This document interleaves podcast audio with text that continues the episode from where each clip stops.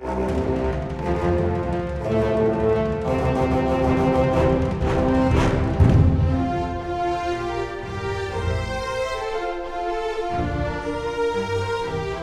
til Frankrike forklart, en podkast der du får svar på alt du lurer på om Frankrike. Mitt navn er Frank Urban. I denne og de neste episodene av Frankrike forklart vil dere merke en endring. Kjerstin Naukrust, som er fast med programleder, kan dessverre ikke være med, da hun er i gang med cellegiftbehandling i forbindelse med en kreftdiagnose. Hun vil derfor være borte fra podkasten i en periode. Heldigvis er prognosene gode, og hun gleder seg til å komme tilbake igjen når hun har blitt frisk. Vi tenker på henne og ønsker henne god bedring. Som vikar for Kjerstin har jeg vært så heldig å få med meg en god kollega og faktisk en tidligere gjest i Frankrike forklart i november i fjor, Geir Ubstøk. Geir er førsteamanuensis i fransk litteratur og områdekunnskap ved Universitetet i Oslo, og jobber sammen med Kjerstin. Veldig hyggelig å ha deg med, Geir. Takk, Frank. Det er uh, hyggelig å være her, og jeg sender også varme tanker til Kjerstin. I dag skal vi snakke om presten i Frankrike. Hva finnes det av ulike titler, hva snakker de om, og hvem eier dem? Hva er likheter og ulikheter mellom presten i Frankrike og i Norge? Dette skal vi diskutere med vår gjest, Mikael Holter. Velkommen.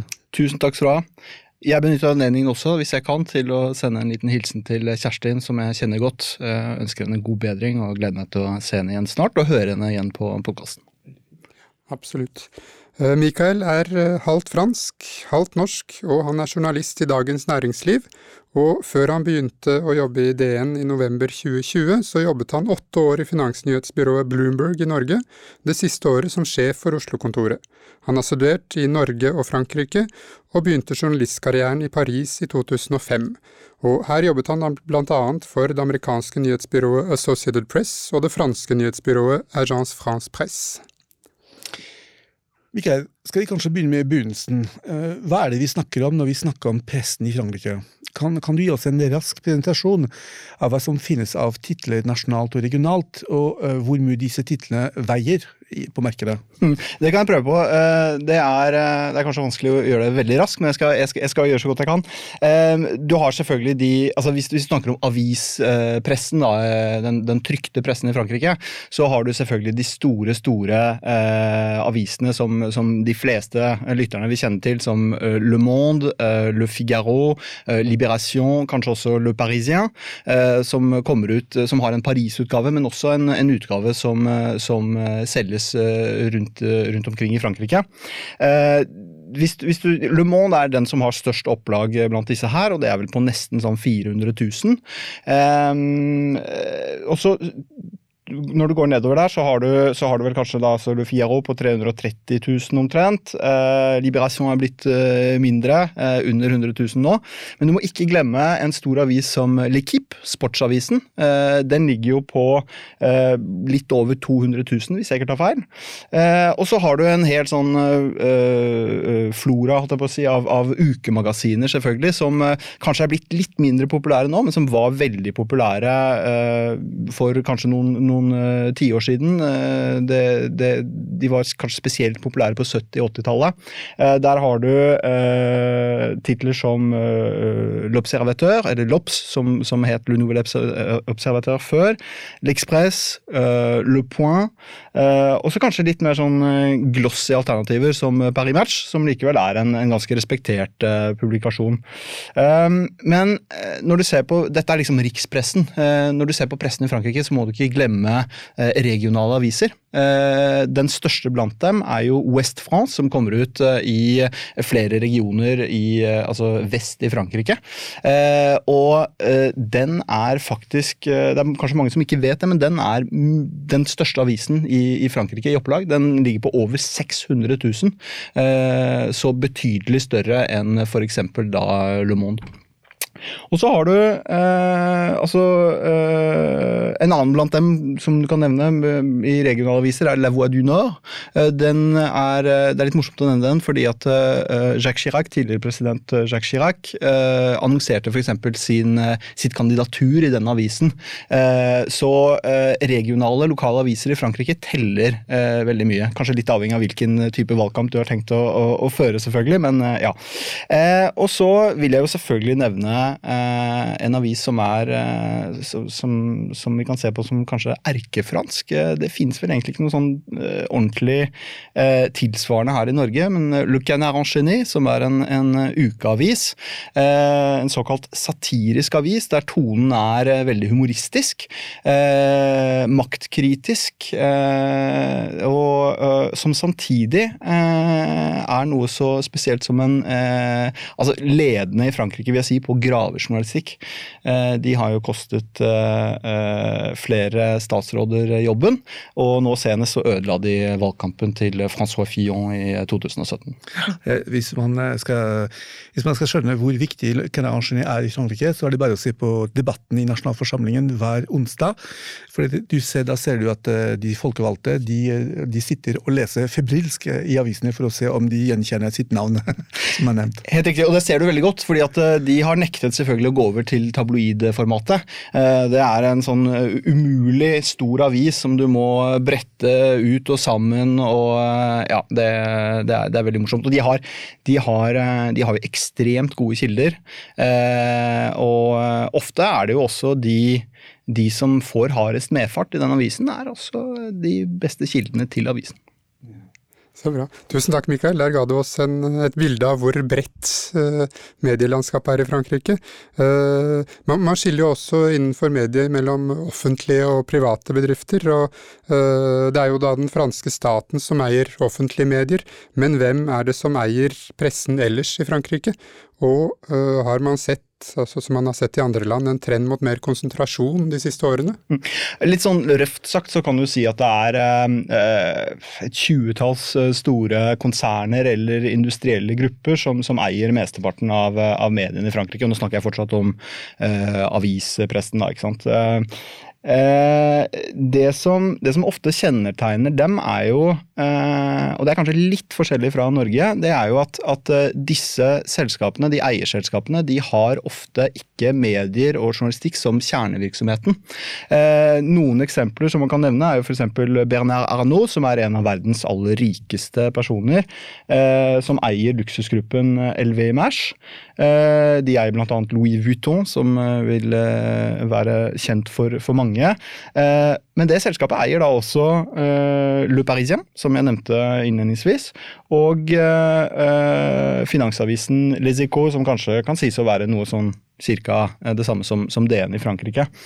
og så har du Le Monde, da, som er eid av Eh, av den eh, tidligere bankmannen eh, Matthew Pigas og eh, telekombaronen eh, Xavier Niel. Eh, og også en, en tsjekkisk forretningsmann nå som er kommet inn på eiersiden de, de, siste årene. en annen jeg kan nevne, er Dassault-familien, som eier Le Figaro. og det er litt morsomt, fordi Dassault var jo ikke bare medieeier, som sagt, ikke, sant? ikke kjernevirksomhet. Dassault han var også både lokal- og nasjonalpolitiker. Eh, og han var ikke minst eh, en stor industribaron som eh, solgte kampfly, blant annet. Så her, er det, her favner det bredt. Og tja, kanskje et, et annet eksempel. Bouygues-gruppen, som er store innenfor bygg og anlegg. de eier jo da De, det, de er største eier, tror jeg, i, i, i TF1. Uh, Martin Bouygues, uh, familiens overhode, var også en veldig nær venn av uh, Eller er også en nær venn av Nicolas Sarkozy, den tidligere presidenten. Og det er mange andre man kan nevne, men ja, vi kan kanskje gi oss der foreløpig iallfall. Vi får et bilde i hvert fall av, av hvem som kjøper disse titlene som du snakker om. Og, og det som er interessant, også, det er å se på konsekvenser. Når du får en, en sånn konsentrasjon og oppkjøp av titler av mektige folk fra byggesektoren, finanssektoren, luksussektoren. Hva slags konsekvenser har dette hatt for, for pressedekningen i Frankrike? Eh, og, og, ikke minst, eh, har den konsentrasjonen, hva har den betydd for journalistene og for folk som jobber i avisene? Er det skjedd, den konsentrasjonen, har den skjedd uten motstand, eller med veldig stor motstand? Jeg kan jo begynne med å si, jeg glemte jo å svare utfyllende på ditt spørsmål. Altså, det er klart det har vært en trend mot mer konsentrasjon, men jeg tror det er viktig å si også at eh, hvis du ser på et land som Norge, der er medieeierskapskonsentrasjonen veldig stor. Eh, Iallfall i eh, europeiske skala. Eh, jeg tror at det er tre grupper altså med Skipsted, på, Skipsted Polaris og A-media. De eier vel noe sånt som 70, eller de har kontroll over 70% av opplaget for norske aviser. Um, jeg har ikke nøyaktig tall på det, men jeg, vil tro at eierkonsentrasjonen i Frankrike faktisk er litt mindre. Men det er klart at den trenden er jo mot mer konsentrasjon. Og du, og, du, spurte jo da om, om, om det får konsekvenser for journalistikken. Og, og altså Jeg vil jo si at det som, det som, er, det som er veldig viktig, er jo um, når, du, når, du, når, du, får uh, Kall det et problem Eller problematisering av eierskap i mediene, så er det ekstremt viktig med, eh, med redaksjonell frihet. Eh, og der tror jeg at det er nok en stor forskjell mellom Norge og Frankrike.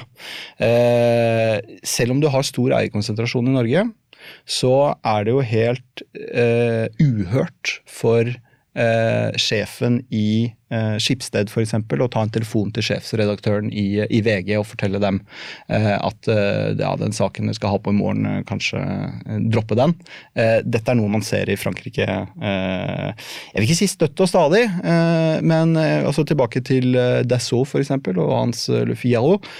Dassault hadde jo, som mange andre franske politikere, problemer med rettsvesenet. utrolig nok så dukket aldri de historiene opp i Le Figaro. Eh, det er jo bare et eksempel, men det er, det er veldig mange eksempler på som sagt da, altså medieeiere som ringer opp eh, redaktørene og forteller dem hva de kan og ikke kan gjøre. Eh, og det har jo vært en del sånn brytninger mellom noen fagforeninger i pressen og og, og, ledelsen der, spesielt da i forbindelse med at nye eiere er kommet inn. og kanskje Eh, et par eksempler man kan nevne er jo da eh, Vincent Bolloré, eh, som også er en annen da, industribaron, også en veldig god venn av Nicolas Sarkozy. Han hadde jo Han har veldig mange gode venner. Nicolas Sarkozy har veldig mange gode venner. Kanskje, kanskje, ja. kanskje, litt færre etter hvert, det får vi nå se på. Men, men eh, Sarkozy ferierte bl.a. på yachten til Vincent Bolloré rett, rett, etter at han ble valgt til, til president i 2007. Um, uansett, Bolloré tok over over da eh, TV-kanalen Canal Pluss og eh, tilhørende kanaler. Og det, det, ble lagt veldig merke til i Frankrike, fordi eh, Canal Pluss altså, Kanskje litt vanskelig å, å, å, eh, å klassifisere sånn politisk, men eh, det var jo den første private betalkanalen eh, på TV i Frankrike på 80-tallet. Og de var på en måte et, altså de, de, de var et veldig friskt pust. De ble fort sym, altså, symbolet på maktkritikk og, og Eh, til dels også sånn altså kritisk eh, journalistikk. Da. Eh, og da Bollori kom eh, inn på eiersiden, eh, det var vel i 2015 hvis jeg ikke tar helt feil, så var det mye, mange av de historiske programmene som, hadde, som virkelig hadde skapt Canal Pluss, som ble borte. Eh, og det førte til mange konflikter. og en annen konflikt, kanskje det et av de mest markante eksemplene nå i, i, i seneste tid, var jo i Le Monde. Mm. Eh, nettopp da han eh, tsjekkiske forretningsmannen eh, kom inn på, på, på eiersiden der, da, da gikk eh, de ansatte sammen om å kreve en slags eh, vetorett light eh, ved neste korsvei når det kommer inn nye aksjonærer. Eh, og det oppnådde de også. Du snakker om pressefrihet, men du har også tilfeller hvor journalister blir sagt opp, og hvor hvor på en måte man har en ansettelsespolitikk som begrenser de facto avisenes frihet, ved at de mister kjente journalister som ikke nødvendigvis støtter den linjen som skal støttes. Ja, nei, det, det, selvfølgelig kan det skje også. Jeg kommer ikke på noen sånne eksempler i farta. Kanskje du har noen, men, men øh, Nei, altså Le Monde Liberation hadde sånne saker hvor, hvor, hvor journalister ble oppfordret til å slutte, og, og det skapte også rabalder også i redaksjonen. Ja, Det er veldig interessant akkurat det med pressefriheten, og det, det henger jo også litt sammen med noe du nevnte eh, helt innledningsvis når du snakket om Le Canard Enchaîné, nemlig dybdejournalistikken. Eh, jeg husker da jeg var eh, student og begynte å lese fransk dagspresse, så ble jeg imponert over den store andelen eh, undersøkende journalistikk i, som fantes i franske aviser. Eh, og eh, ikke bare i Le Canard Enchaîné, men også disse milelange artiklene i Le Monde og Le Figaro og Liberation. Og er det fremdeles tilfellet? Ja, det vil, jeg, det vil, jeg, absolutt si at, at det er. Eh, og apropos igjen, altså redaksjonell frihet og, og, og, og muligheten da til å, til å, eh, til å, stå imot alle mulige former for press eh, osv. Eh, Le Canard Enchaîné er jo også, jeg nevnte jo ikke det innledningsvis, men det er jo også en avis som er eh, helt unik eh, fordi at den er kun finansiert av Eh, abonnements, eh, abonnementsinntekter. Eh, det er ikke reklame i Le Canard Genie, og de, de, altså de, har tekst og tegninger. For øvrig noen av Frankrikes beste tegnere. Altså, mange av dem jobber også f.eks. i Charlie Hebdo, og mange av de som jobbet i begge forsvant jo uh, i, i, attentatet. Uh, men, men uh, altså tilbake til Le Canard De, de alle, alle Alt overskudd går rett i kassa og spares til eventuelle rettssaker som måtte komme. Vi snakket om politisering og for norske lesere som, som vil lese Du, du, du ga altså titlene innledningsvis, eh, men, men, det er så veldig spesielt å se at, at, hver avis har sin politiske linje. Eh, slik at Hvis du er norsk og skal lese franske aviser, så må du vite hva du skal lese. Og så må du vite at eh, det er, det er ikke full nøytralitet, politisk nøytralitet hvis du kjøper Le Monde, Le Figaro eller Liberation. Hvor går de politiske skillelinjene? Um, det er altså hvis du, hvis du, på en måte forholder deg til, til liksom det, de klassiske høyre-venstre-aksen, så, så uh, kan du vel plassere Le Monde sånn cirka eh, på sentrum-venstre. Eh, Le Figaro er nok ganske står nok ganske støtt på konservativ side. Liberation mer på, på, på venstre. Men, men, der har du også en, litt sånn, en, en annen dimensjon, fordi at Liberation er jo blitt kritisert kanskje de senere årene for å være blitt mer en sånn eh, avis for den urbane eliten. Le Bobo eller La Gauche Caviar, som man gjerne, gjerne, kan kalle det. Eh, så, så det er også en, altså, flere sånn underdimensjoner der, da. Men ellers, ellers er det Eh, blant ukemagasinene eh, så har du også den, det veldig klare skillet med kanskje Løps Lops uh, godt ut på venstresiden, L'Express sentrum venstre og Le Point på høyresiden, konservativ. Mm. Og disse skillene de, de finnes jo i Norge. altså Når man velger avis, så velger man også et, et politisk ståsted. Ikke sant? Ja, ja i kanskje litt, kanskje, Jeg vil si kanskje i litt mindre grad i Norge. Mm. Eh, og eh, det er, nok, det er, nok, klarere forskjeller eh, mellom de redaksjonelle linjene i, i den franske pressen. Eh, det vil jeg absolutt si. Eh, et annet tema, da går vi over til noe ganske annet, det, eh, men som også kan være interessant med, med en sammenligning med Norge, det er hvordan pressen forholder seg til privatlivet. For eksempel, altså Historisk så var den franske pressen eh, veldig skånsom mot eh, privatlivet til folk. For eksempel så levde jo president Mitterrand et dobbeltliv med både kone og elskerinne og en skjult datter i mange år. Og det visste eh, Fransk presse om, men de gikk ikke ut med det. Og hvordan er denne praksisen lik eller ulik det man ser i Norge, og ikke minst, er det fortsatt sånn i Frankrike også? Jeg, jeg, tror det er, det er, nok blitt litt mindre sånn med årene. Eh, men eh, det er jo en slags sånn maksime i fransk journalistikk om at eh, nyhetene eller journalistikken stopper ved døren til eh, soverommet går helt til døren til soverommet, men ikke lenger. Eh, og det du nevnte, er jo et godt eksempel på det. Eh, det, det, som er ekstra pikant med den saken, er jo at eh, veldig mange uh, franske journalister visste, det veldig godt. Uh, det er nå én sak at Mitterrand hadde et dobbeltliv og, og, alt det der, men en en annen sak er jo at den, den, den, andre familien hans, de bodde jo i eiendommer som, som, som var Som tilhørte staten, ikke sant. så, så argumentene for at den storyen skulle sprukket litt tidligere, de er, de er relativt sterke, vil jeg si. et annet eksempel er jo Dominique Strauss-Kahn, IMF-sjefen, som, som, som ble arrestert i New York etter en sexskandale. jeg tror ikke det var så veldig mange franske journalister som ble veldig sjokkert over det. Eh, jeg husker jo selv da jeg jobbet i Associated Press, eh, så hadde jeg en, eh, en, en kollega som, som, skulle intervjue DSK, som vi kaller ham i, i Frankrike.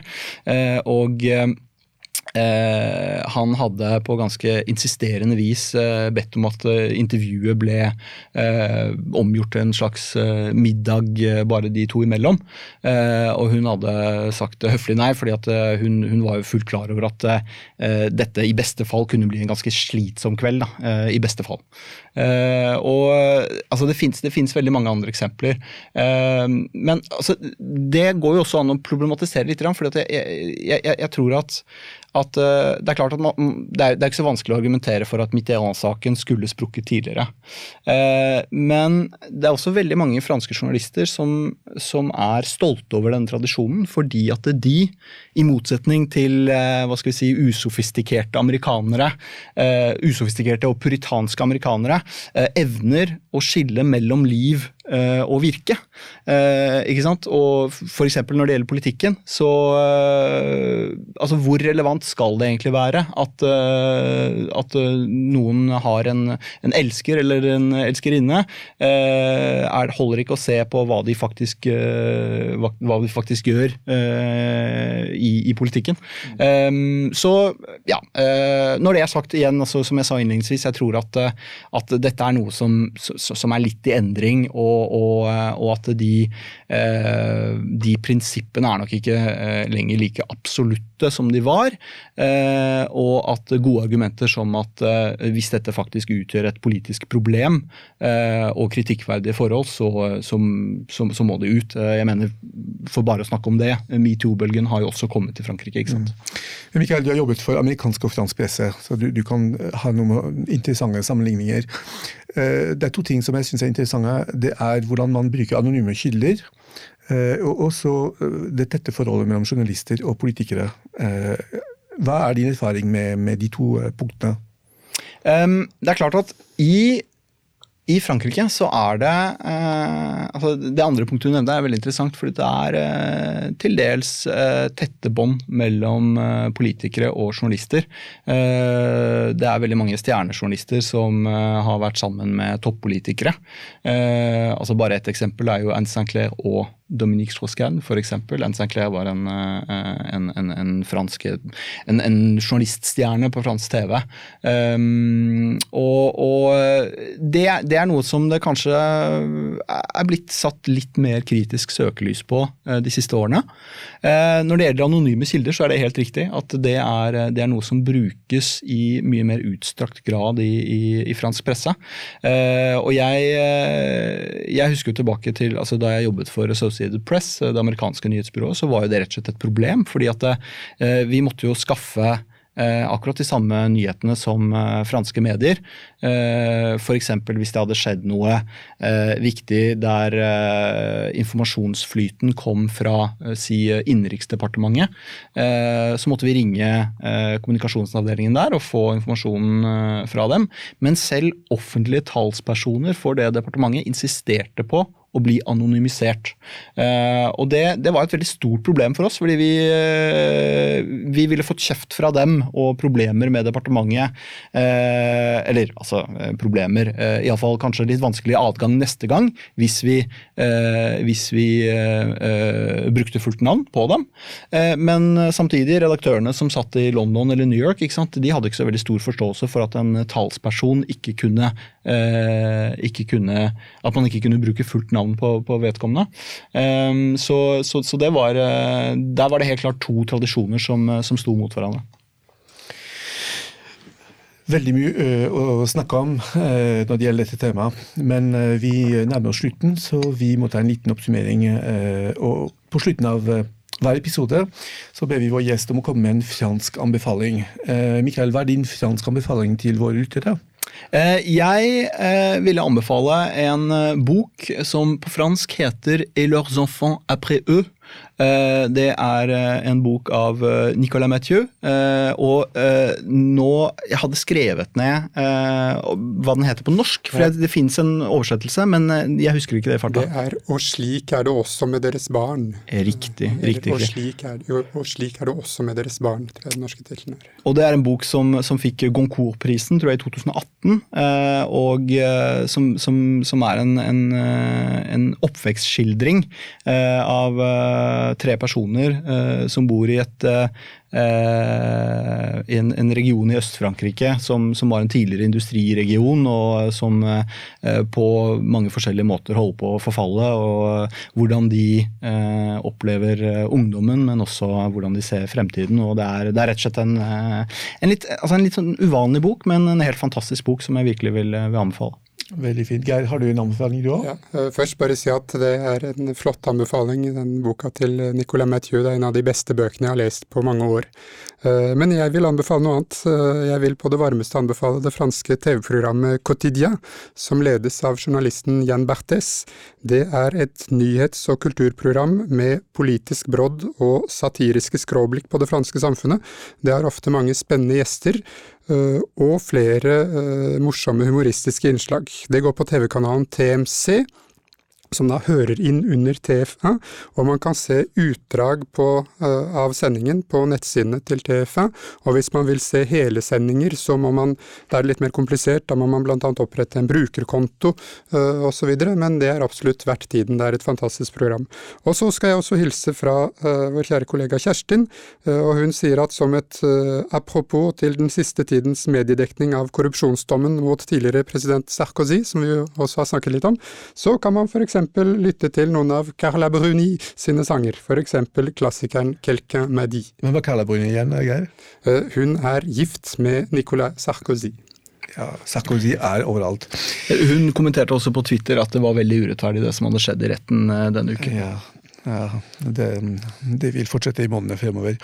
Da gjenstår det bare å takke vår gjest Mikael Holter, så høres vi igjen i neste episode av Frankrike forklart. Au revoir! Denne podkasten er et samarbeid mellom Universitetet i Oslo og Høgskolen i Østfold. Abonner på Frankrike forklart på iTunes, Spotify eller på andre plattformer der du lytter til podkast. Har du kommentarer til oss eller forslag til temaer vi bør ta opp, kan du sende inn det via vår Facebook-side Frankrike forklart. Her vil du også finne informasjon om dagens episode.